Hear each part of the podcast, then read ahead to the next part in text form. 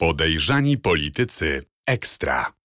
Większość wyborców z tych 72% Polaków uprawnionych do głosowania w wyborach oczekuje rozliczeń poprzedniej ekipy rządzącej, czyli PiSu i prezesa Jarosława Kaczyńskiego. Ale jedną z najbardziej kontrowersyjnych osób tej ekipy był Daniel Obajtek, prezes koncernu Orlen. Dzisiaj ciągle nie podaje się do dymisji, mimo że zapowiadał to w prawicowych mediach, ale wszystko wskazuje na to, że nie dość, że może nie uniknąć konsekwencji karnych, to te konsekwencje będą mm, półtora raza przynajmniej surowsze niż jeszcze we wrześniu. O co chodzi i jaką rolę w tym wszystkim pełni były minister Sprawiedliwości i prokurator generalny Zbigniew Ziobro, opowie nam nasz dzisiejszy gość podcastu Podejrzani Politycy Ekstra, a jest nim Wojciech Dudziński. Witam panie redaktorze, witam państwa. Wojciech Dudziński to uznany audytor śledczy y, i też y, y, prowadzący swoją działalność nie tylko śledczą, ale i publicystyczno-naukową jako firma Fraud Control. Pracowałeś dla ONZ-u. Tak. Znają cię wszyscy dziennikarze śledczy w Polsce, a ja osobiście mogę powiedzieć, że od 20 lat nie zdarzyło się jeszcze, żebym przyszedł do pana Wojtka ze sprawą, która by go przerosła, co chyba najlepiej świadczy o jego kompetencjach, ale też będziemy mm, dzisiaj rozmawiać o największym koncernie i największej spółce y, Skarbu Państwa. Y, ty też masz doświadczenie w y, audytowaniu i w wyszukiwaniu mm, nieprawidłowości, szczególnie gospodarczych, też w spółkach Skarbu Państwa. Tak, tak. No ja jestem też amerykańskim biegłym do spraw wykrywania nadużyć, Certified Fraud Specialist. Ja robiłem audyty otwarcia, można powiedzieć, czy audyty ryzyka nadużyć w największych spółkach państwowych i dokładnie znam tą specyfikę. No i oczywiście no, mam ponad 20 lat doświadczenia i wiem, jakie e, kłopoty wynikają z, e, czy jakie trudności napotyka audytor śledczy m, podczas prowadzenia tego typu audytów, które absolutnie różnią się, to trzeba, zaraz sobie powiemy, od statutowego audytu, czyli biegły rewident to nie jest audytor śledczy. To jest jakby dwie różne rzeczy, żebyśmy tych rzeczy nie mieszali. I jakie potem problemy są z przełożeniem tej wiedzy na język procesowy, czyli no można, często się Czy tak... Co, jak zrobić tak, tak, żeby nie było tylko zarzutów, Dokładnie. tylko żeby tak. doprowadzić do aktu Dokładnie. oskarżenia, procesu sądowego, skazania i zamknięcia tak ewentualnie jest. delikwenta. To takie moje marzenia tutaj poranne. Tak jest, żeby nie było tak jak kiedyś, że po prostu zatrzymują kogoś, później go wypuszczają, i nic z tego nie wynika, tak? Bo zostało to źle przełożone, czy zostały źle zrobione ustalenia, czy te ustalenia potem nie zostały prawidłowo przełożone właśnie na język przepisów, tak? E, Wojtku, powiedz e, jeszcze jedną rzecz, bo mi się wydaje, nie wszyscy nas oglądają na e, wizji, niektórzy nas słuchają, na przykład w Spotify'u i w innych serwisach podcasterskich. A ja widziałem taki błysk e, w twoim oku, jak mówiłeś, że znam tę specyfikę. No i tak mi się wtedy przypomniały te wszystkie utyskiwania na to, że spółki Skarbu Państwa to dojne krowy, to jakieś kołchozy, to jakieś e, składowiska różnych e, złogów partyjnych. Teraz PiS rządził 8 lat. No bezsprzeczne jest to, że mm, było tam bardzo wielu nominatów partyjnych e, z takimi dziwnymi papierami z Kolegium Humanum, e, które wystawiało NBA w jakiś jakichś e, ekspresowych rzeczach. Kiedyś też się tym zajmowałeś, znaczy weryfikowaniem tak. różnych kadr, ale to to jest najmniejszy problem na dzisiaj.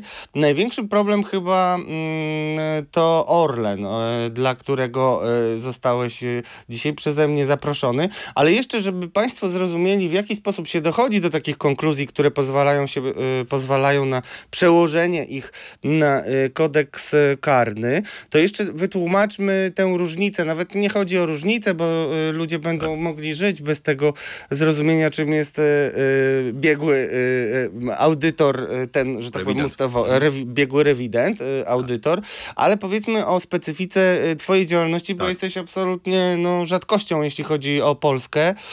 Niektórzy myślą, że podobne usługi jak ty mogą świadczyć różne agencje detektywistyczne, ale to jest w ogóle jakieś wielkie nie, nieporozumienie. Nie to nie, jest, nie są te kompetencje. Tak. Ty się poruszasz no przede wszystkim jesteś też mm, autorem wielu książek, między innymi mm, tej ostatniej, jak uniknąć ryzyka nadużyć, gdzie opisujesz, tak, tak naprawdę to jest idealny... Ja mam sobie, mogę pokazać. Tak, możesz pokazać idealny, idealny podręcznik dla nowych, szczególnie nowych ludzi, jak uniknąć ryzyka naduży, nadużyć, niezbędnik dla menadżera i urzędnika.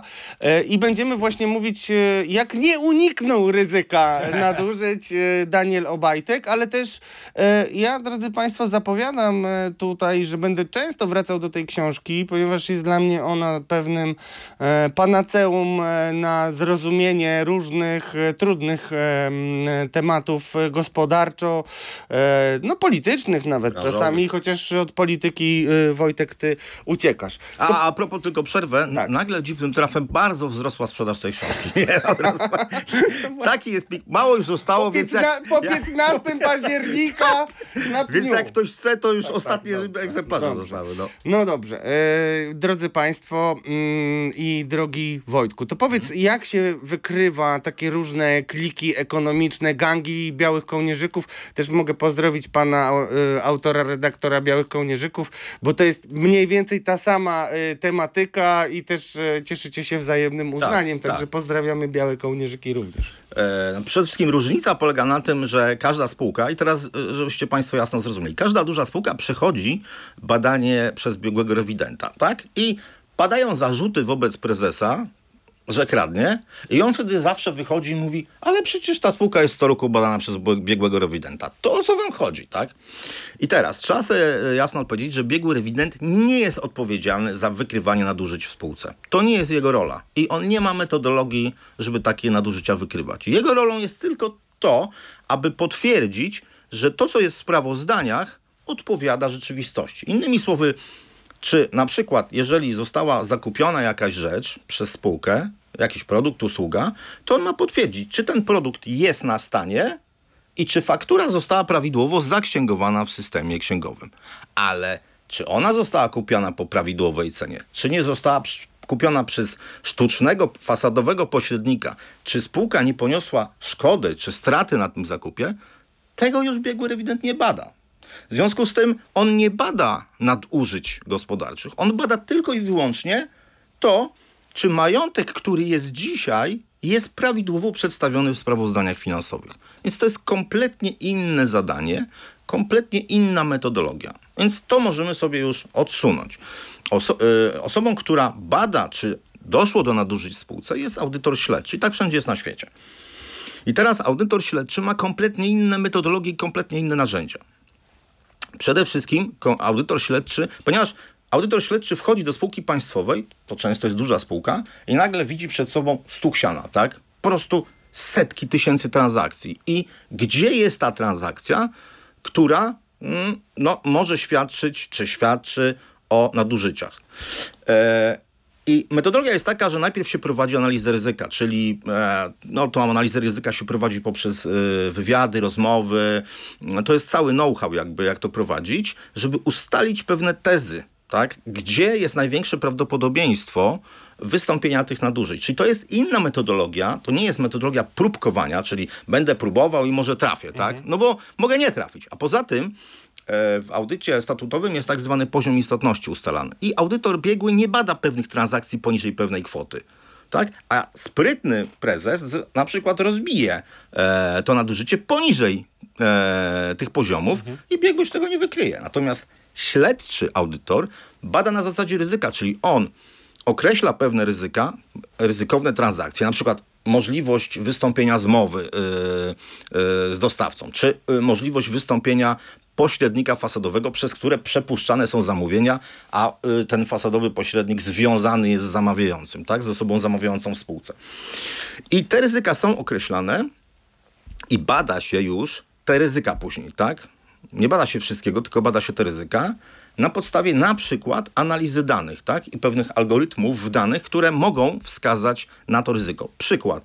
Jeżeli e, załóżmy jest dyrektor od spraw zakupów i on jest no, popełnia nadużycie, czyli tworzy sobie spółkę fasadową, na przykład na kogoś ze swojej rodziny i nie dokonuje zakupu bezpośrednio od dostawcy, na przykład dostawcy komputerów, tylko jest to kupowane przez tego niepotrzebnego pośrednika, który dorzuca sobie 100% marży, tak? całkiem nienależnej, która to marża jest stratą oczywiście firmy, Bo firma mogłaby uniknąć mogłaby tego uniknąć po tego po tak. prostu. To I wtedy- to za nic, tak? Tylko za Dokładnie. piękne oczy, Tylko za, znajomości. za to, że i... jest układ, tak? To wówczas my na przykład stosujemy algorytm, który wykrywa nam kolejność numeracji faktur, tak? Bo, jeż, bo wiadomo, że wtedy ten pośrednik wystawia faktury tylko do, do, do jednej spółki. I teraz e, algorytm komputerowy bada wszystkie jakby faktury, bada e, kolejność numeracji i wychodzi na, na przykład nagle się pojawia dostawca, e, który wystawia faktury 1, 2, 3, 4, 5, 6, 7, 8, 9, 10. No, no Na co- przestrzeni dwóch lat. na przestrzeni dwóch lat. No To to, co robił innego? to co, dlaczego nie świadczył dla innych tych usług, tak? I e, tych metod i tych technologii, czy tych technik nie stosuje biegły rewident. My te, te techniki stosujemy. Później jest druga rzecz bardzo ważna, technika wywiadu. W audycie zwykłym statutowym to jest nieistotne za bardzo, tak? No bo to jest tam tylko doszczegółowianie pewnych rzeczy. U nas technika wywiadu polega na tym, żeby wyciągnąć pewne rzeczy, które może być trudno ustalić na podstawie analizy danych. Po prostu, tak? Na przykład jest jakaś łapówka. No i teraz badanie tego, badanie cen, czasami badanie cen, czy, czy kupiliśmy za drogo, czy za tanio, jest dosyć skomplikowane, dlatego że w handlu, to trzeba wiedzieć, w handlu wszystko polega na, cena polega na ilości, tak? I mamy często podaną cenę detaliczną, no i załóżmy, badamy, e, badamy, badamy jakiś zakup, no i mamy, no kupili po cenie detalicznej, tak? No, wszystko się niby zgadza, wszystko jest klar. Tylko, że oni kupili na przykład, załóżmy, żeby to, że, że był to węgiel, tylko, że oni kupili na przykład 40 wagonów tego węgla. A nie, nie, ale jeżeli się kupuje 40 wagonów węgla, to cena jest minus 30%, bo to jest rabat ilościowy. Rzadko która firma takie rabaty, takie cenniki rabatowe ujawnia, no bo, bo nie chce tego robić, negocjuj se każdy sam, tak? Więc e, trzeba o tym wiedzieć i trzeba znać dodatkowo, i to jest kolejny element jakby e, no, no, tego problemu i jakby umiejętności audytora śledczego, znajomość branż. To jest bardzo kluczowe, bo branże działają na różnych dziwnych zasadach i trzeba wiedzieć, właśnie tak jak tutaj dałem przykład. Ja zresztą miałem kiedyś taki przypadek takiego prezesa jednej z jej spółek zbrojeniowych, który kiedyś, kiedyś się z nim spotkałem i on mówi, nie, u nas to wszystko jest ok i w ogóle mamy przetargi i tak dalej. Wszystko jest jasne. I wtedy ja mówię mu ten przykład. No ale wie pan, mieliśmy taką historię, że też prezes w tej spółce zbrojeniowej, że wszystko było ok, no że my mamy tam, zbieramy, jeżeli robimy jakiś zakup, no to zbieramy tam oferty konkurencyjne, tak? Ja mówię, no y, fajnie, mówię, y, ale czy nie może taka sytuacja się wydarzyć? Yy, No bo windowi jest zawsze najniższa cena wygrywa. A jak mówię, się zdarzy taka sytuacja, taka sytuacja się często może wydarzyć, że to jest właśnie cena detaliczna, a wy kupujecie 40 wagonów yy, yy, na przykład węgla czy stali, czyli kupujecie o 30% za drogo, a tych dwóch konkurentów jest ustawionych po prostu, tak? No bo oni się wszyscy zmawiają między sobą i zawsze dadzą wyższą cenę po prostu, tak? No bo ty nam tu złożysz ofertę, a my ci złożymy tu ofertę. Więc wiecie Państwo, to jest skomplikowane i trzeba znać branżę i trzeba znać te układy. I czasami jest to trudne do udowodnienia. Dlatego też właśnie teraz idę do kwestii wywiadu, który czasami pomaga. Oczywiście druga strona robi wszystko, żeby nie powiedzieć tego, co jest istotne. Dlatego też wspomagamy się techniką w tym wypadku, czyli akurat my jesteśmy przedstawicielem takiej izraelskiej firmy, która pracuje dla służb specjalnych na całym świecie, która stworzyła ten głosowy wariograf, tak? Tak, o którym już tutaj parę razy Tak, o którym wspomniałem. parę razy mówiliśmy ja puszczam komputer, ktoś mówi i w tym momencie, kiedy jest rzecz dla niego emocjonalnie trudna, czyli on wie, że tu jest ten problem, tak, ten wałek, mówiąc kolokwialnie, to ja widzę pik w jego emocjach, tak, bo te emocje są wykrywane z głosu. To, co on mówi, głos, charakterystyka głosu specyficzna jest w tym momencie, kiedy te emocje są wyższe i ten system jest tam, wykrywa 15 różnych emocji i ja jestem w stanie wykryć i wtedy mówię, a, no to, to, Mówię, no to tak, no to, to, to o to chodzi, tak? No, I wtedy ta druga strona myśli, że ja wszystko wiem i dużo łatwiej jest mi wyciągnąć od niej i e, wyciągnąć od niej informacje i zmusić ją do przyznania się wręcz, tak? I trzecia rzecz, która jest stosowana, którego oczywiście biegły rewident nie stosuje, bo nie ma takich możliwości, jest informatyka śledcza oczywiście, tak? E, to się coraz bardziej utrudnia, to żebyście Państwo wiedzieli, bo kiedyś ta informatyka śledcza to było taki e, święty gral, że tak powiem. Tak? Wejdziemy, e, zrobimy image dysków komputerów i z tych dysków się wszystko dowiemy. Tak? Więc problem polega na tym, że technika poszła tak do góry, że łatwo jest po pierwsze, a zaszyfrować dysk. To są bardzo tanie e, jakby oprogramowania. Po drugie, technologia się zmieniła, nie ma dysków magnetycznych, tylko są e, innego rodzaju dyski, e, które działają na innej zasadzie. I o ile na dyskach magnetycznych odtworzenie danych było proste, czyli ktoś skasował i myślał, że skasował, tak? A on kasował tylko tak, jak w książce jest spis treści, ale cała treść zostawała. Trzeba było tylko odtworzyć ten spis treści. To teraz już tak to nie działa. W tych nowych dyskach jest taka specjalna funkcja trim i te dane tak naprawdę e, no, są nadpisywane jakby od razu, tak? To powoduje, że jak chcemy otworzyć te dane, to uzyskujemy sieczkę. Więc to się jakby już utrudnia. Taka prosta e, informatyka śledcza. Zresztą, tak jak mówię, oni wszyscy już o tym wiedzą i bardzo często dodatkowo jeszcze szyfrują sobie e, szyfru, szyfrują sobie dyski. Ja z mojego doświadczenia mogę powiedzieć, że x spraw już robiliśmy ostatnio, no i niestety no to nie pomogło, tak? Ale oczywiście to jest elementem, tak? Bo są jeszcze telefony, z których się od, od, odtwarza dane i tak dalej. Gdzieś ten ślad może, może zostać. Więc suma summarum, widzicie Państwo, że tam audyt śledczy składa się z wielu e, jakby spec- specjalności i, i, i informatyki, i znajomości branży, e, i znajomości perfekcyjnej e, księgowości, metod, metod audytu śledczego, metod prowadzenia wywiadów, techniki przy prowadzeniu wywiadów i tak dalej. Wielokrotnie rozmawialiśmy, Wojtku, o różnych y, y, tematach związanych z nieprawidłowościami w gospodarce, żeby edukować przede wszystkim Tak. społeczeństwo, bo też powiedzmy sobie szczerze, że jest y, szereg y, prezesów, y, którzy są kompletnie nieświadomi tego, że na koniec, y, na koniec dnia no, ryzyko jest takie, że zostaną obudzeni o 6 rano Tak. i pójdą do aresztu, a potem do więzienia nawet kiedyś. E, I, I o tym jest ta książka między innymi. Tak. No ale no to popatrzmy w takim razie już, bo ni- pewnie niektórzy Czekają. czekają na e, ten temat e, i też myślę, że Mariusz Gierszewski, który teraz pracuje nad tematami służb e, specjalnych i zmian różnych, też będzie bardzo ciekawy twojej obserwacji. Zwróciłeś uwagę na to, że zmieniło się prawo i zmieniły się przepisy kodeksu karnego, które po pierwsze no, zostały zaostrzone, ale nawet no, konia z rzędem temu, kto udowodni, że te przepisy konkretnie nie zostały e, e, przygotowane po to, żeby mm, zniszczyć albo ministra Sasina, albo e, Daniela Obajtka, albo ich obu, ale na pewno im nie pomogą, a mogą kosztować ich wiele. To zacznijmy od początku, jakie to przepisy, a potem powiedzmy, dlaczego miałyby mieć zastosowanie w przypadku Orlenu. Już mówię. Znaczy, to, to, ta koincydencja jest ciekawa, o której pan redaktor powiedział, że bo one zostały wprowadzone, te zmiany, 1 października, czyli na 15 dni e, przed wyborami. No to się wydaje dziwne akurat. Dlaczego taki moment? No ja nie chcę snuć oczywiście jakichś tam e, teorii spiskowych, ale przejdźmy już do meritum. Otóż głównym, e, głównym przepisem, który penalizuje tak zwane przestępstwa menedżerskie jest artykuł, to jest znana sprawa od lat, artykuł 296 kodeksu karnego. W dużym skrócie on mówi o tym, że jeżeli ktoś przekroczy uprawnienia, e, czy decydent, ktoś z zarządu, przekroczy uprawnienia lub nie dopełni obowiązków, z czym spowoduje szkodę, odpowiada karnie. I teraz wielkość kary zależy od wielkości szkody generalnie, tak?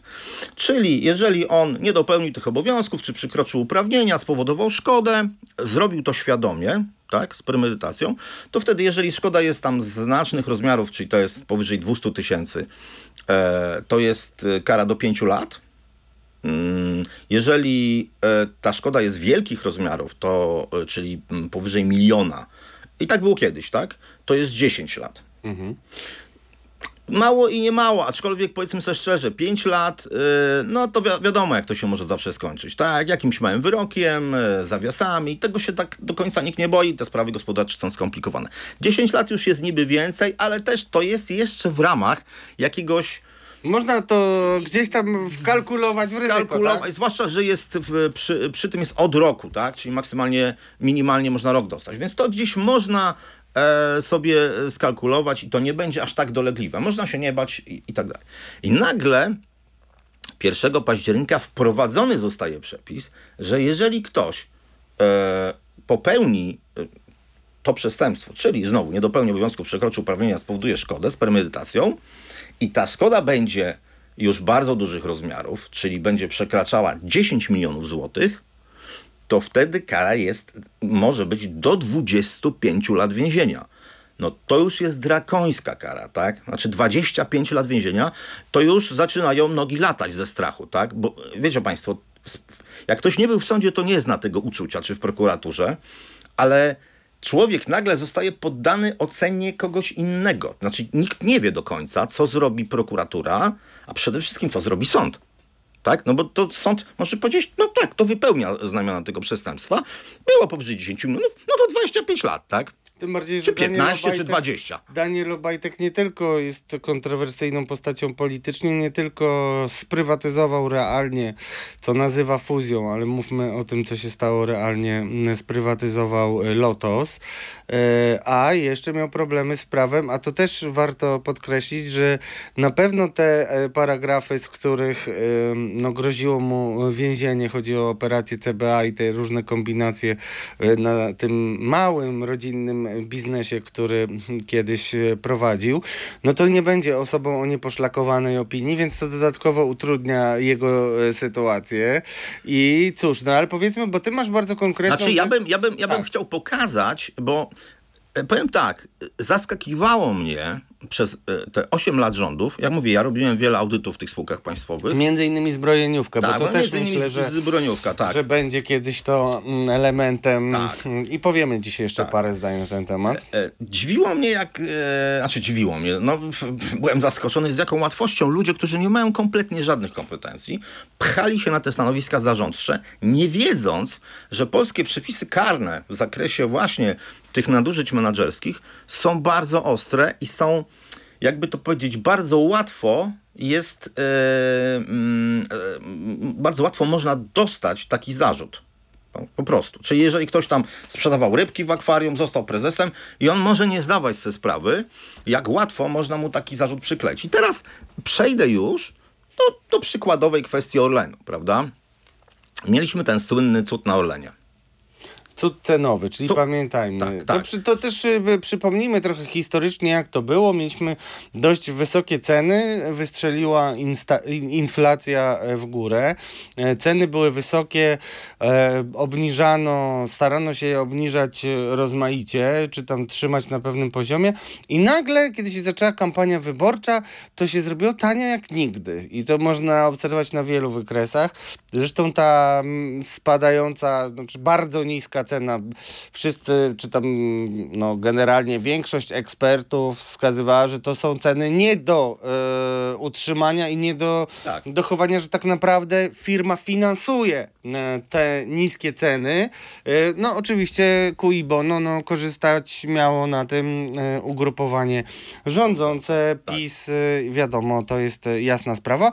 I nagle, nagle się okazało, że tamte ceny były sztucznie trzymane wysokie, nawet przyznawali się do tego urzędnicy Orlenu, e, po to, e, żeby teraz Polacy mieli taniej i nie czepiajcie się, bo po, zobaczcie, my zrobiliśmy dobrze dla Polaków, bo jest taniej. Jakim kosztem i gdzie tutaj może być ta szkoda powyżej 200 tysięcy, a może nawet powyżej miliona, jak to...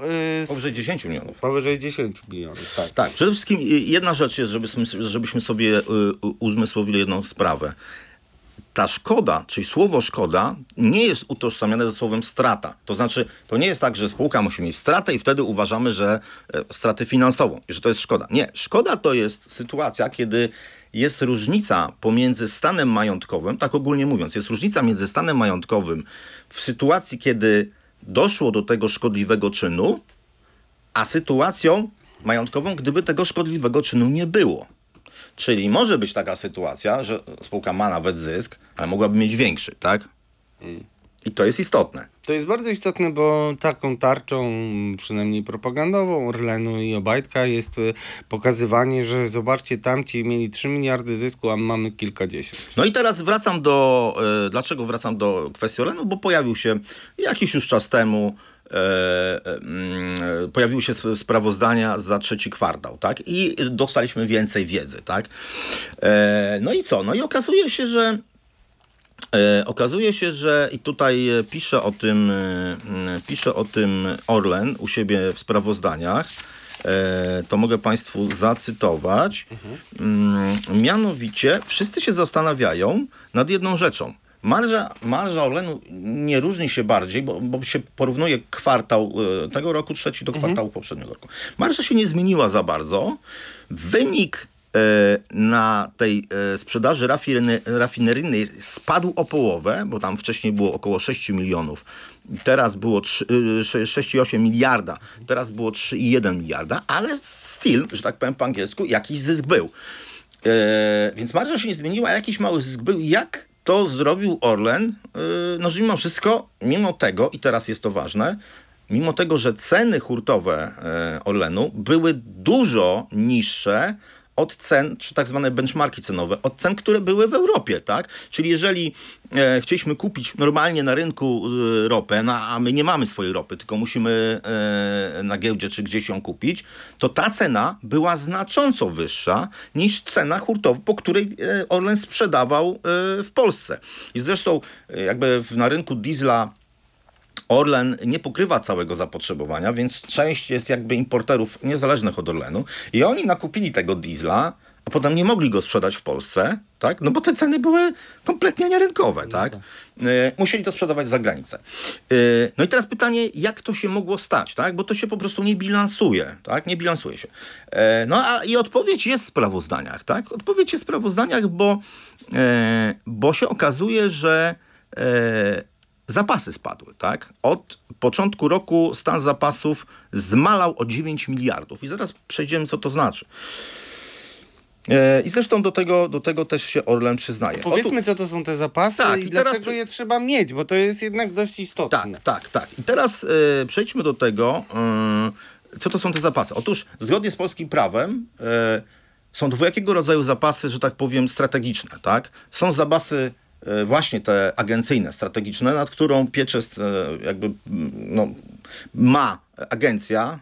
Mm, e, No i one, no tam jest inna ustawa jakby e, do tego, e, tego dotyczy. I są e, obowiązkowe zasady, które są na podstawie, trzymane na podstawie ustawy tam o zapasach ropy naftowej z 2007 roku. Są dw- dwojakiego rodzaju e, zapasy, które, które są jakby paliwa, tak? Ale ja teraz dążę oczywiście do tych zapasów obowiązkowych, które są, w- każdy jakby producent musi je mieć. Czyli Orlen też musi zatrzymywać część i mieć część w swoich magazynach, bo to wynika z tej ustawy. I e, to się wylicza na zasadzie takiej, że tam to jest, te zapasy są mniej więcej, nie pamiętam, chyba 270 y, mm, y, 270 dniowy e, znaczy zapas to jest 270 dni średnich e, zakupu e, jakby ropy, tak? Czyli jak dziennie kupujemy tam tyle i tyle, no to już 270 dni po cenie z poprzedniego, mm, z poprzedniego roku. I tyle musimy utrzymywać. W wyjątkowych przypadkach minister może się zgodzić, ale to są wyjątkowe przypadki, e, żeby część tych zapasów upłynnić. Ale on musi wydać zgodę i to musi wynikać no, na przykład z jakichś problemów. No właśnie, no jest problem z utrzymaniem władzy, to, to No i chyba... teraz? Ale mówiąc wprost i zupełnie poważnie, bez mrugania okiem, no nie jest kampania wyborcza taką wyjątkową sytuacją. Taką wyjątkową sytuacją mogły być e, momenty, które zresztą już kiedyś e, mieliśmy w swojej historii, kiedy e, stałe dostawy danego paliwa, bo to przecież tak samo co jest z gazem między innymi i z innymi e, paliwami, e, no zostały zablokowane i wtedy zastanawialiśmy się na ile mamy No tych rezerw. wojna, Tak. wiecie pan, pan, państwo, no, są jakieś wyjątkowe, wyjątkowe jakby przypadki. I teraz Zresztą jeszcze tutaj dobrze jest przypomnieć jedną rzecz, bo nasz rząd się chwalił tym, że mamy po 90%, czasami nawet e, więcej e, magazynów pełnych, ale zapominali dodać oczywiście z premedytacją, że tych magazynów mamy skromną ilość e, w porównaniu na przykład do Niemiec czy innych krajów. Ale to tylko zamykając, żeby wiedzieli Państwo, dlaczego to jest tak istotne i dlaczego tylko w wyjątkowych sytuacjach można uszczknąć te zapasy. Tak jest. No i teraz zadawali dziennikarze panu Bajtkowi pytanie, czy korzystał czy Orlen korzystał z zapasów strategicznych. Jakby dziennikarze jakby nie wszyscy rozumieją, że są dwojakiego rodzaju zapasy. Obowiązkowe, znaczy jedna są agencja, a druga to są te, które muszą producenci trzymać. Mhm. No i wtedy Orlen odpowiada, Orlen nie korzysta z rezerw strategicznych produktów naftowych na, tworzonych na podstawie ustawy z 17 grudnia 2020 roku. Yy, I to jest ustawa o rezerwach strategicznych. Ale tu nie o to chodzi, tu chodzi o inną ustawę, tak? Czyli znowu, drodzy Państwo, mamy taką sytuację, o której słyszeliście wielokrotnie, to znaczy yy, padają pytania do decydentów yy, ze względu na wielki tak. interes społeczny i możliwą szkodę wielkich yy, wartości. I na te pytanie dostajemy odpowiedź nie o tym, o co pytaliśmy. Tylko o co tylko innego. czymś zupełnie innego, bo nikt nie pyta o rezerwy strategiczne, tylko o te rezerwy podstawowe, bym e, powiedział. Tak. tak. Te zapasy tak zwane obowiązkowe, które również trzeba trzymać i to wynika jakby z ustawy, ale innej ustawy, tak? No sam e... powiedziałeś 2007 rok. Tak jest, tak jest. No i na ten temat Orlen się nie wypowiada, tak? Nic na ten temat jakby nie mówi. Więc oczywiście jest poważna E, jakby wątpliwość i można powiedzieć ryzyko, że część tej, e, mm, tych zapasów obowiązkowych e, no, mogła zostać upłynniona. I oczywiście, bo pytanie jest, skąd wziął Orlen niską cenę ropy, tak? Skoro sprzedawał i jakiś jeszcze mały zysk na tym utrzymał. No właśnie z tych zapasów, tak? No bo one były kupowane kiedyś tam po dużo niższych cenach i teraz można je sprzedać i być dużo niższym niż benchmark jakby rynkowy. Tego to jest, drodzy Państwo, popraw mnie proszę Wojtku, tak. to jest w oderwaniu od rzeczywistości gospodarczej, prawda? Bo przecież jakby to jest e, też, powiedzmy sobie, bo stawiamy poważne pytania o bardzo poważne zarzuty, które grożą Danielowi e, Obajtkowi. Tak. I zarzuty są e, takie, że no cóż, no wygląda to na no przynajmniej mm, no, nie, niezłe kombinacje, ale w zasadzie strata jest ewidentna. No i przypomnijmy jakie to szkoda, konsekwencje. Szkoda, szkoda, szkoda, jest ewidentna, bo strata i szkoda to też tak. inne pojęcia, to e, zwracamy uwagę. Ale pamiętajmy, te choroby na Orlenie, choroby dystrybutorów masowe, to też było związane właśnie z tą operacją niskie ceny na wybory, to tak ja to nazywam, e, bo e, popyt zrobił się tak wielki i tak ludzie masowo zaczęli kupować tanie paliwo, już nie mówię o przybyszach z zagranicy, którymi się też chwaliliśmy, że po prostu tego paliwa brakowało i trzeba było ciągle dolewać dolewać, dolewać, dolewać. Ale, ale też trzeba powiedzieć jedno. Skoro po pierwsze ktoś wydał jeżeli tak było, ktoś wydał Musiało zgodę. tak być, no bo inaczej ktoś chyba... Wydał, no zresztą sam tak? Orlen mówi, no, tak, Orlen że... to jakby, to, to, to, kluczowa jest ta e, mniejsza... Tak? tak. Spad, spadek zapasów, tak? I to, że oni jakby nie, nie odpowiadają na to, tak? Mówią, że o innej jakby ustawie. I teraz nawet, e, no załóżmy, że ktoś wydał, pytanie dlaczego wydał zgodę, ministerstwo, ale dwa, nawet jeżeli mieliśmy zapasy, które mieliśmy powiedzmy po niższej cenie, które kupiliśmy, e, no to na zdrowy rozum, dlaczego mielibyśmy sprzedawać znacząco poniżej ceny rynkowej? Jaki jest w tym sens ekonomiczny? No załóżmy, e, proszę Państwa, no macie na przykład, kupiliście jakieś złoto po dobrej cenie. E, teraz cena jest dużo wyższa to czy sprzedacie to złoto w tej samej cenie albo niewiele większej? Tak, z, z marżą odpowiednią do tego, co... Które, ten... Którą kiedy wtedy kupiliście? No nikt tak nie robi. Zło... Mało tego, można więcej tego i szybciej złota sprzedać po wysokiej cenie, która będzie trochę niższa nawet od tej, Oczywiście. która teraz jest obecna, a i tak będziecie tak zarobieni. Tak jest. A, i teraz trzeba sobie powiedzieć, nie na wszystkich e, działalnościach e, Orlen miał zysk, czy miał też straty. Dwa, Orlen ma ogromne potrzeby inwestycyjne ogromne potrzeby inwestycyjne. Więc teraz, jakby już reasumując, to co powiedzieliśmy się, powiedzieliśmy wcześniej, szkoda to jest, to jest ten, ta różnica pomiędzy stanem, kiedy y, były te szkodliwe działania, a stanem, kiedy tych szkodliwych działań nie było, to jeżeli było tak, załóżmy, że cena została ustalona sztucznie, tak? Nie pod wpływem logiki biznesowej, tylko logiki politycznej, no to taka logika i takie zachowanie byłoby oczywiście szkodą, bo Orlen mógł sprzedać po wyższej cenie i tak by sprzedał, a zarobiłby więcej. I ta różnica byłaby szkodą. Zakładając, że to są miliardy, bo tam w Orlenie chodzą miliardy w te i nazad, to 10 milionów takiej różnicy to jest małe miki. Teraz pytanie jest, czy taka różnica uzbiera się w okresie od 1 października do 15 października, ale z tego co pamiętamy, ten cud na Orlenie trwał chyba do, do wyborów. A potem się skończył. A potem się skończył. system Dokładnie. Więc no, tu zaczyna się robić, y, że tak powiem, mało przyjemnie i delikatnie ryzykownie. Bo jeżeli e, tak, be, tak by było i ta e, strata, ta różnica po tym, co mogli sprzedawać, a sprzedawali, z uwagi załóżmy na, na kwestie polityczne, wyniesie powyżej tych 10 milionów, a jak mówię, no to są miliardy, tak? No bo to, to cała Polska, tak? no to wtedy jest te 10, 10 milionów i ryzyko tego przepisu, który został wprowadzony przez, 1 października. tak, przez, e, przez Ziobrę, e, ministra, no, mógłby być postawiony.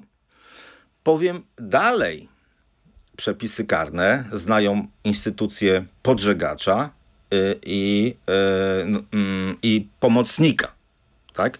I też powiedzmy, jakie tutaj są e, zapisy kodeksu i ewentualne kary, bo to tak teoretycznie się wydaje, że jeżeli ktoś podżega, czyli mówi, dawaj, musimy na wybory mieć te niskie e, ceny, musisz e, troszkę uszczknąć 9 miliardów, jakieś drobne, bo to 9 miliardów ton, tak? Czy Te- O 9 miliardów spadły rezerwy. rezerwy, ale No. to ton, tak? To, to liczymy o 9 miliardów Znaczy, wartości, ty- czy... wartości, tak? Wartości, Tak. czyli 9 miliardów zainwestowaliśmy z tych naszych rezerw. Musisz to zrobić, bo musimy wygrać wybory. No i takie były obyczaje w partii władzy i tutaj nie ma się co y, oszukiwać. Możemy podać y, przykładów, y, sypać przykładami jak z rękawa. Y, I teraz, y, no i taki podżegacz, czyli Znaczy, no powiedzmy, są, że... są, są, są dwie, jakby dwie kategorie. Jest pomocnik, czyli pomocnikiem byłaby, to jest osoba, która na przykład, nie wiem, e, ktoś popełnia jakieś tam przestępstwo włamu, no to tam mu, to pomocnik to jest osoba, która mu na przykład narzędzia da, tak? Pomoże mu po prostu. A no, a, a, a pomocnik mm, w tym wypadku mógłby być ta osoba, która wydała zgodę, bo mu pomogła, tak? Na to, żeby upłynnić. To przypomnijmy, kto wydawał zgodę? No, Byśmy z- mogli spytać tego pana eks-wicepremiera? Zgodę, e, zgody z ustawą to jest osoba, e, w, e, która ma tam, z, dotyczy energii. To zdaje się Ministerstwo Energii chyba jest w Ministerstwie Aktywów Państwowych, więc wychodziłoby To na to. akurat, znaczy te spółki paliwowe były akurat Tak. w Ministerstwie Aktywów Państwowych. Tak, więc wychodziłoby na to, że to byłby minister Sasin. Wicepremier Sasin, no dobrze. wicepremier. Będziemy... Ale jest jeszcze druga koncepcja, a czy instytucja, e, podżegacza tak zwanego, tak? Podżegacz to jest, a, no i teraz, żeby była jasność, jeżeli ktoś zostanie mu udowodnione to przestępstwo e, pełnom, pomocnika, Pomocnictwa. tak, pomocnictwa, to kara jest ta sama, co główne przestępstwo, czyli 25 lat. No to cóż, no jedna ława dla obu panów. Kto wie, no na pewno wielu y, takich, którzy nie mają wątpliwości co do szkodliwości rządów y, PiSu to widzi. A w takim razie jest jeszcze, podżegacz. tak, ten podżegacz, tak. Podżegacz to jest osoba, która nakłania. Tak? Nie jest to jasno sformułowane w kodeksie karnym, ale to jest generalnie na, ktoś nakłania kogoś do przestępstwa, tak? Czyli, Kara- mówi, czyli kar- właśnie tak mówi. tak dawaj, mówi, dawaj, musisz to zrobić, bo inaczej cię wyrzucimy i tak dalej. To teraz ja też y, zwracam się do Państwa, żebyście powiedzieli mi, kto mógł być takim podżegaczem w przypadku Daniela Obajtka? Kogo on by tak posłuchał bezwarunkowo? Ale, ale poczekaj, jeszcze jest jedna kwestia, panie redaktorze. Otóż w takiej sytuacji, kiedy się grozi nam 25 lat więzienia i załóżmy, że siedzimy w e, areszcie wydobywczym, czego oczywiście nikomu nie życzę, i przychodzi prokurator, ja wiem jak, to, jak to się odbywa, tak? I są tacy prokuratorzy, którzy takie robią, że tak powiem, różne e, gierki, kładą na przykład, nie wiem, e, kajdanki na stole, żeby jeszcze u, unaocznić, prawda? Więc różne są stosowane triki i nagle jest powiedziane, słuchaj, grozi ci 25 lat więzienia, to nawet jeżeli tam coś sobie uszczknąłeś, to i tak nie skorzystasz z tego, tak? To ty chłopie pójdź na współpracę z nami, wyśpiewasz nam wszystko, dostaniesz koronę, Czyli, dostaniesz świadka świa- koronnego. Czyli dostaniesz świadka koronnego, ale musisz nam wszystko wyśpiewać. I teraz praktyka w Polsce jest taka, żebyście Państwo wiedzieli, że prokuratura i sąd wierzy totalnie bezkrytycznie, co mówi ten świadek. Po prostu ich niczego nie sprawdza, generalnie. Ale e, oczywiście ten świadek koronny rozumie, że musi dać to mięso, no bo żeby dostać tego świadka, tak? Więc on opowiada, co mu się na język przyniesie. No i teraz może na przykład powiedzieć, kto go podżegał. Czy to będzie prawdą, czy to nie będzie prawdą, to już jest inna para kaloszy. No ale kto mógł go podżegać do tego, żeby on zaniżał ceny sprzedaży, czym czy mógł spowodować szkodę, e, powiedzmy, znacznych, gigantycznych rozmiarów dla Orlenu. No więc proszę Państwa, No to kto mógł, zróbmy, kto mógł, sobie, no. zróbmy sobie taką małą sondę i w komentarzach zaproponujcie, bo nie chcemy niczego sugerować, absolutnie i nie chcemy sugerować, kto był szeregowym posłem, który decydował e, o całej polskiej rzeczywistości. Formalnie y, no, trzeba by powiedzieć, że tutaj należałoby szukać w kręgach e, rządowych, ale też tego typu przestępstwa, no ci podżegacze wcale nie muszą mieć kompetencji nadzorczych w stosunku do kogo. To nie jest warunek sine qua non, żeby kogoś skazać. No więc e, takie zeznanie Daniela Obajtka mogłoby być bardzo, bardzo niebezpieczne dla wszystkich. Być może to też e, w pewien sposób tłumaczy jego wyjątkową pozycję, o której można by mówić bardzo długo książki powstawały. No, są jakieś ruchy z jego strony, no bo jak wiemy, to ktoś ujawnił, nie, nie wiem, który to dziennikarz, że e, mają majątek częściowo przypisał na syna. No mu zresztą bardzo by nie pomogło, no bo e, są postępowania prawne, które takie transakcje mogą jakby No widzę błysk Od- wokół, widzę, że odwrócić. będzie dużo tego typu y, poszukiwań y, y, w, Tak, no. być może. Znaczy na pewno będzie pan miał dużo pracy, panie Wojciechu, bo wiem, że jest pan rozchwytywany na rynku.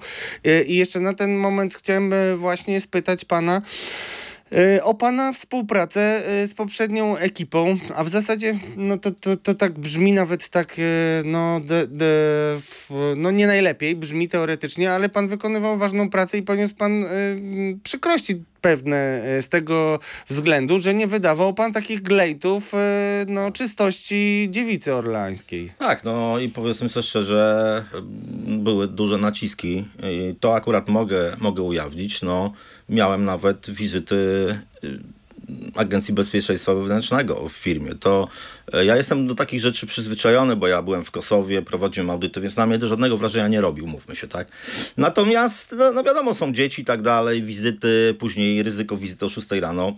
Nic przyjemnego. W każdym razie, no mogę powiedzieć o tym, yy, yy, na przykład o jednym z audytów jednej ze spółek zbrojeniowych, No właśnie, bo chodzi o to, to, to Tak. o tym rozmawialiśmy, no oczywiście w, częściowo cię obowiązuje tajemnica, Tak. chociaż nie obowiązuje cię przed sądem, gdzie toczył się pewien proces, o którym chciałbym, żebyś e, dwa słowa powiedział. I powiedzmy to jasno, że mówimy o tym e, nie dlatego, y, żebyś się żalił, tylko ja osobiście ze względu na wieloletnią współpracę przy przestępstwach gospodarczych, które wykrywałem i też korzystałem z twojej pomocy, sam osobiście mogę o tym zaświadczyć, że tego typu naciski były i to się skończyło w sądzie. I teraz Tak. gdybyś nam mógł powiedzieć, y, i, i to nawet nie chodzi o konkretne osoby, bo pracowałeś z różnymi spółkami i, i właśnie wracam tutaj do tego błysku twojego Tak. oka, że wiadomo jaka to jest specyfika i Tak. właśnie Jaka mówiłeś jest- już o tym, tak. że pchali się wszyscy, niezależnie od Pchali tego, że wszyscy, mogli tak. ponieść e, konsekwencje e, i taka jest praktyka i to ma, możemy też znowu bronić na wielu przykładach, które w najbliższych miesiącach myślę, że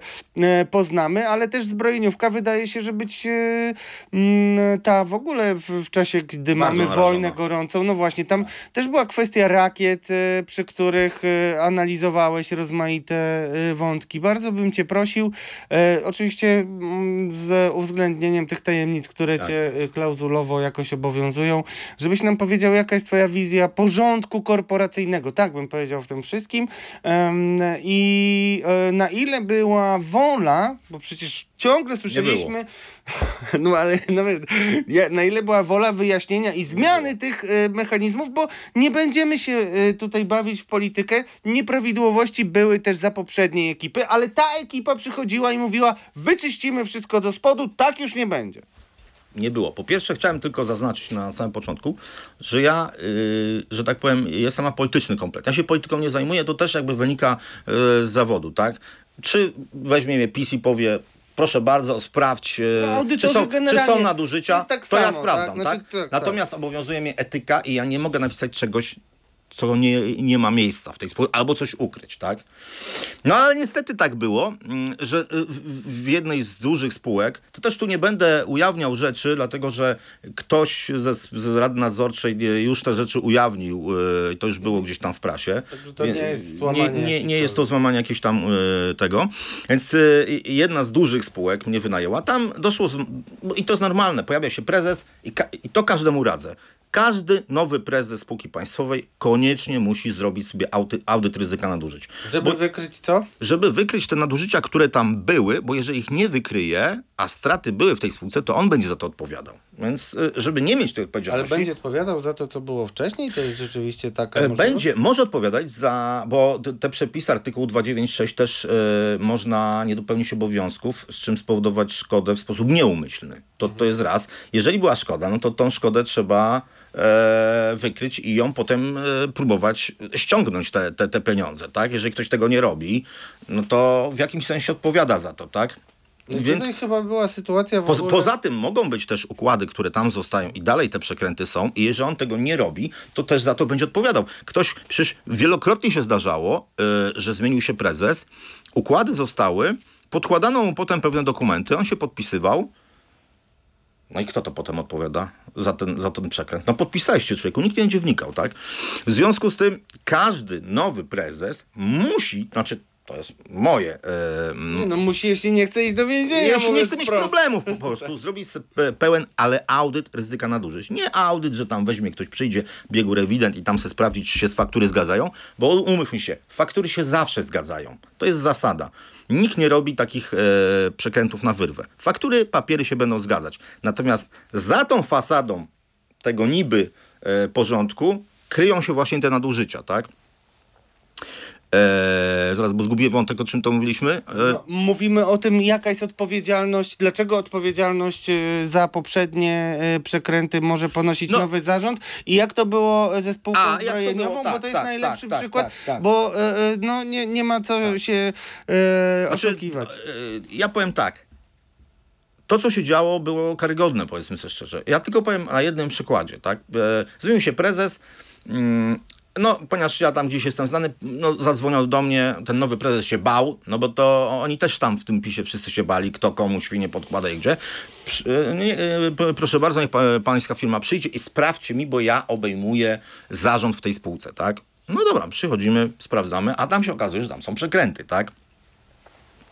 Przekręty były do tego stopnia, e, że zaczęły się naciski. mm, No i to mm, powst- e, jakby już było wiadomo, że dochodzimy do tego sedna, że tak powiem. I nagle ten prezes zostaje odwołany, powołany zostaje nowy prezes i to mi się, proszę Państwa, pierwszy raz w historii zdarzyło. A prowadziłem audyty śledcze w takich krajach Kosowo, takich krajach jak Kazachstan. To jest kraj skorumpowany niewyobrażalnie, tak? Gdzie tam po prostu łapówki e, się spisuje na kartkach się je trzyma po prostu gdzieś w firmie, tak? Księgowo. Więc no totalnie jakieś dziwne kraje, w których byłem, prowadziłem te audyty dla ONZ-u. I tu nagle dochodzi do sytuacji, gdzie pojawia się nowy prezes i jednym pismem wstrzymuje audyt śledczy. No to czegoś takiego nie było nigdy w mojej historii, no bo to jest Co jak to znaczy wstrzymuje? po Jak można prostu wstrzymać? wstrzymanie, wstrzymujemy audyt, cofamy panu wszelkie e, pełnomocnictwa do prowadzenia audytu. No, czegoś takiego, no to, e, ale jakby no, gigantyczna spółka, e, bardzo ważna, no i nagle wstrzymanie audytu, tak? No Może czy- podważono nie, nie, nie, nie, nie, nie, nie, nie, nie, ale to, to jakby audyt trwał. Nie, był, nie było żadnego jakby uzasadnienia, po prostu wstrzymanie i koniec, tak? No to wiadomo, że w tym momencie jakby każdy powie, no to ci ludzie po prostu wstrzymują, bo chcą ukrywać te nadużycia, tak? No w każdym razie raport zostaje skończony, bo ja zawsze wykonuję do końca robotę, dlatego że moim jakby zlecającym jest spółka, a nie ten prezes tej spółki, tylko ja działam dla, dla jakby y, korzyści tej spółki. Powstaje raport, on trafia do wielu różnych e, tam członków rad nadzorczych, wielu ludzi. Mm, No i gdzieś ten e, raport, któraś osoba, nie wiem, z rad nadzorczych czy zarządu, i czasami się tak to zdarza, że ktoś e, wypuszcza to gdzieś do prasy w jakimś tam swoim celu. I to zostaje opisane, że tam były nadużycia i tak dalej, i tak dalej. I ja, mm, no i dostaję oczywiście pieniędzy za to. Idę do sądu po prostu, tak? No i w tym czasie zaczynają się te naciski, nie? E, Wjazd pięciu, e, pięciu panów e, z tak zwanej Abwery, telefony najróżniejsze z SKW i tak dalej. No generalnie zaczyna się presja. Na co presja? No na mnie presja, tak? Ale żebyś Żebym, bo to było wcześniej, żebym odpuścił, żebym Tak. już nie kończył tego audytu, tak? Nie przekazywał go. E, zaczyna się mega presja. Mm, No i mówię, ja takiej presji się nie boję, dl- dlatego że no, wie, wiecie Państwo, mnie to już y, czytam na WNZ. Ja na przykład jak byłem w Kosowie, to granaty wybuchały jeszcze wtedy, tak? Y, były różne historie. Grożono mi, grożono mi jakąś tam ukręceniem głowy, mafia mi gdzieś tam groziła. Ja już się przyzwyczaiłem, więc ja się z tego nie boję. Oczywiście no, miałem pewne obawy, że wiadą mi, kiedy mam czwórkę małych dzieci, tak? E, No i te dzieci mogą to kurczę jakoś tam źle przyjąć. Więc po prostu wywiozłem te dzieci wtedy e, z domu i siedziałem sam w domu i czekałem To aż... jest nienormalne, drodzy aż Państwo, pan- ale ja też to znam, niestety, więc... Ma, mało mogę- tego, mało tego też, d- wiecie Państwo jak to jest? To jest są takie sytuacje, gdzie mm, był taki film e, włoski, nie wiem czy ty kojarzy, był taki film włoski, no taki komik, taki film nakręcił o, o tym, że ojciec i syn są w obozie koncentracyjnym i żeby przeżyć ten obóz, ojciec opowiada dziecku, że to, że oni tam są, to jest taka gra, jakby taka zabawa, nie? No ja też mojemu synkowi to opowiadam, że słuchaj, no może być taka gra i zabawa, że tu przyjdą panowie, ale to, nie, to się nic nie dzieje, to jest gra taka, no nie? Miałem to samo. No więc, e, no ale tak czy owak wywiozłem, do mnie nie wjechali, wjechali mi do firmy, tak? No ale ja no mówię, no nie mogę ulec takim rzeczom, bo straciłbym jakby wiarygodność później. E, No dobrze, i jeszcze jedną rzecz powiedzmy. No i poszedłem do sądu i łat- wygrałem, No, no. właśnie, i wygrałeś i mało tego, w, w tym procesie sądowym on nie był tajny, tak? Y, Więc możemy też y, powiedzieć, że tam y, no, wielu zeznających potwierdzało twoje... nie, sąd potwierdził. Sąd- sąd u- potwierdził, że, e, że raport jest prawidłowo wykonany, a to, że nie zapłacono, cytat, wynika z tego, że spółka ukrywa nadużycia. Czyli drodzy Państwo, jesteście tutaj świadkami prawdopodobnie y, mm, przedstawienia jednych y, z pierwszych materiałów, które mogą posłużyć y, zarzutom. Mówimy teraz o tej zbrojeniówce. No zobaczymy, jak to będzie jeszcze z kwestią y, paliw, na, paliw, no z kwestią Daniela Obajtka. No to jest najbardziej kontrowersyjna postać. Tak, muszę jeszcze dodać, że e, tak jak mówiłem, ludzie sobie nie zdają sprawy z zagrożeń i nie zdawali sobie. E, e, no ja rozumiem, że ktoś był, nie wiem, w, w, kebabie pracował, tak? Sprzedawał kebab. Nie? I nagle zostaje. Załóżmy prezesem. No to, w, to tak jak był film e, Kariera Nikodemadyzmy, żeby się tam miesiąc utrzymać, żeby się miesiąc utrzymać. No, tak, tak. no to oni jakby nie znając z tego, no podpisywali po prostu, co im kazano podpisać, tak? No ale e, kolejnym dużym zagrożeniem dla nich, dla tych członków zarządu jest kolejny przepis, bo musicie też Państwo sobie zdać sprawę, że czasami szkodę jest dosyć trudno udowodnić wbrew pozorom, tak?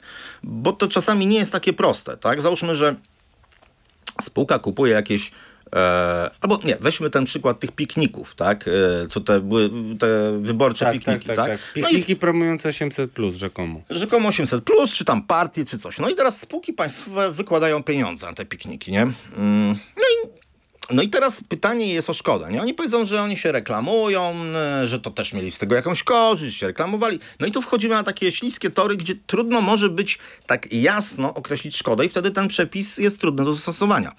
Ale dlatego jest kolejny przepis, który mówi o tym, że kto sprowadza zagrożenie szkody, tak? Czyli nie trzeba jej y, jakby wyliczać, nie trzeba jej dokładnie określić, tylko trzeba wykreślić, że w ogóle było takie ryzyko tej szkody. Jeżeli ktoś sprowadza ryzyko szkody, yy, mm, no to wtedy podlega niższej karze, ale, i tu jest kolejne ale, jeżeli zrobił to w celu osiągnięcia korzyści majątkowej, to kara jest 8 lat.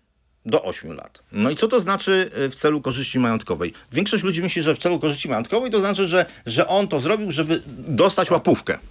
Nie, to nie musi to oznaczać. On, to może oznaczać, że jeżeli on y, sprowadził to ryzyko tej szkody na spółkę celem uzyskania korzyści dla osób trzecich, też podlega e, też podlega karze 8 lat więzienia, do 8 lat więzienia. Innymi słowy, przykładając to na ten przykład tych powiedzmy Pikników. tych pikników, tak? Spółka państwowa wydaje pieniądze mm, na jakiś tam piknik, tak? Pytanie, czy tam jest jakiś, e, jakaś analiza, co zrobi audytor? Wejdzie i zobaczy, czy tam były jakieś analizy reklamowe, czy to miało po prostu jakikolwiek sens biznesowy, żeby się tam, e, żeby się tam reklamować, tak? Bo jeżeli nie bardzo miało to sens taki, mm, to wtedy powstaje pytanie, czy e, nie sprowadził prezes ryzyka szkody przez reklamowanie się na tych piknikach, co spowodowało korzyść majątkową partii danej, tak? No bo ona nie musiała wydać tych pieniędzy na te pikniki, e, ze swoich pieniędzy, no dokładnie. tylko wydała, bo dostała od, od, od spółki Skarbu Państwa. I tutaj nagle wjeżdżamy w bardzo prosty sposób w przepis, który nam no, może zagwarantować 8 lat. To też nie jest mało, tak? Tutaj mogę powiedzieć jeszcze, że na to się wszystko nakłada i o tym kiedyś rozmawialiśmy w podejrzanych politykach, kwestia finansowania kampanii wyborczej, dlatego że jeżeli partia ma sfinansowane przez spółki Skarbu Państwa kampanię wyborczą, no to e, istnieją tacy prawnicy, którzy twierdzą, że to nawet może być podstawą do ewentualnego e, cofnięcia subwencji czy No. Rozmaitych konsekwencji finansowych. Dalej było mnóstwo, przecież każda spółka, znaczy nie każda, ale dużo spółek miało te fundacje potworzone. No wiadomo, bo to pieniądze szły do fundacji, a potem szły gdzieś tam, tak? I Na jakie- też nie ujawniano. e, Nie ujawniano. No i teraz jest ta sama sytuacja. Zostały pieniądze wydane, powiedzmy, przeszły do fundacji. Tam załóżmy z tych e, fundacji poszły sobie na jakąś inną fundację, gdzie siedzieli ludzie związani z władzą, czyli kto odniósł korzyść majątkową? No te osoby.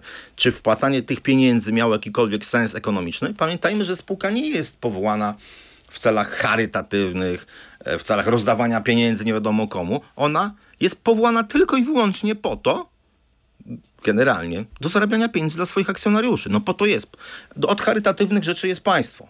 Więc y, jeżeli te pieniądze były wydawane, przelewane na jakieś fundacje, te fundacje przelewały na inne fundacje, to nie jest żadna okoliczność łagodząca, że to były jakieś fundacje, bo potem z tych fundacji, ktoś zarabiał w tych fundacjach pieniądze, tak?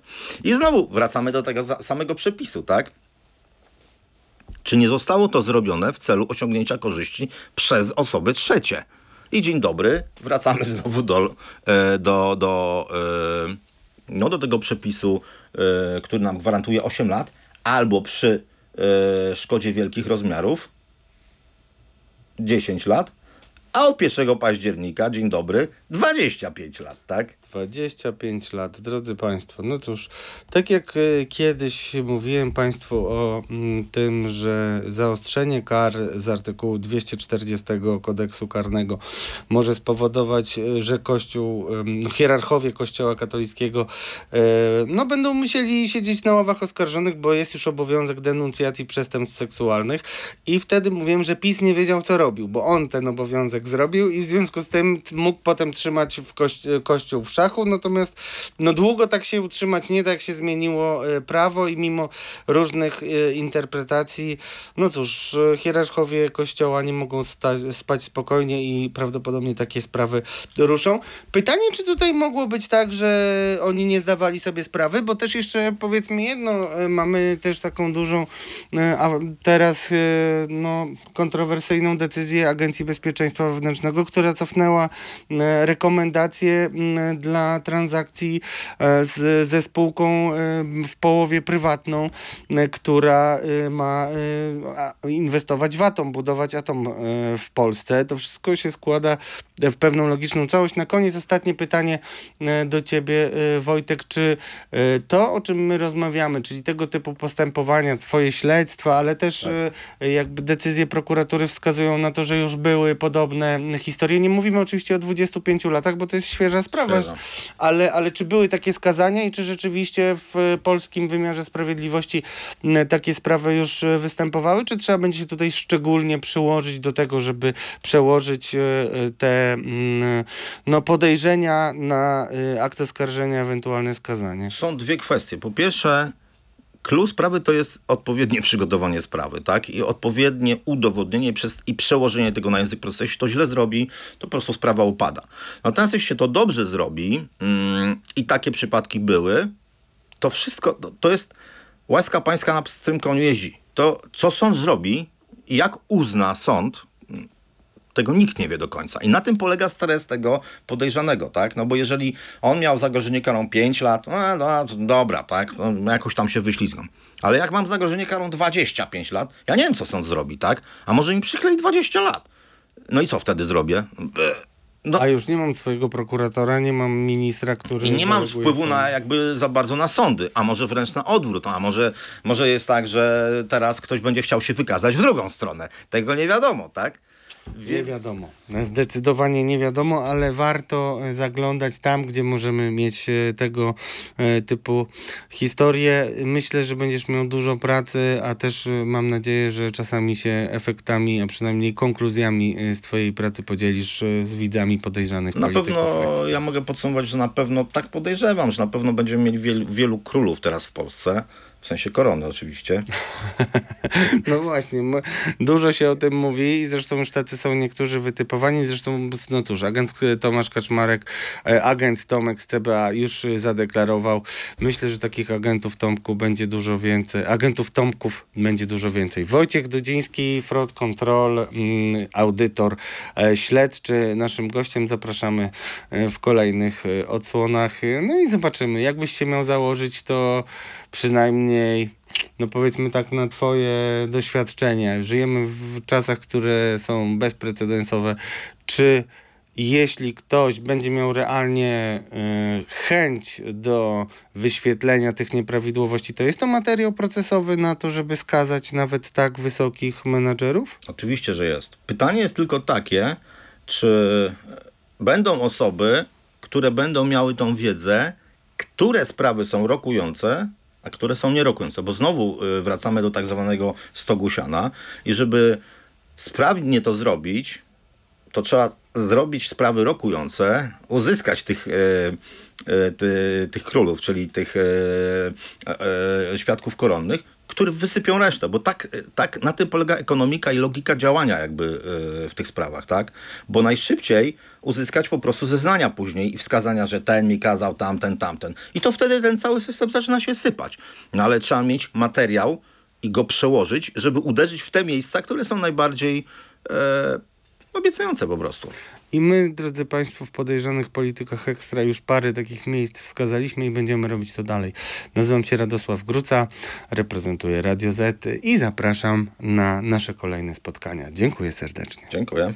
Podejrzani politycy ekstra.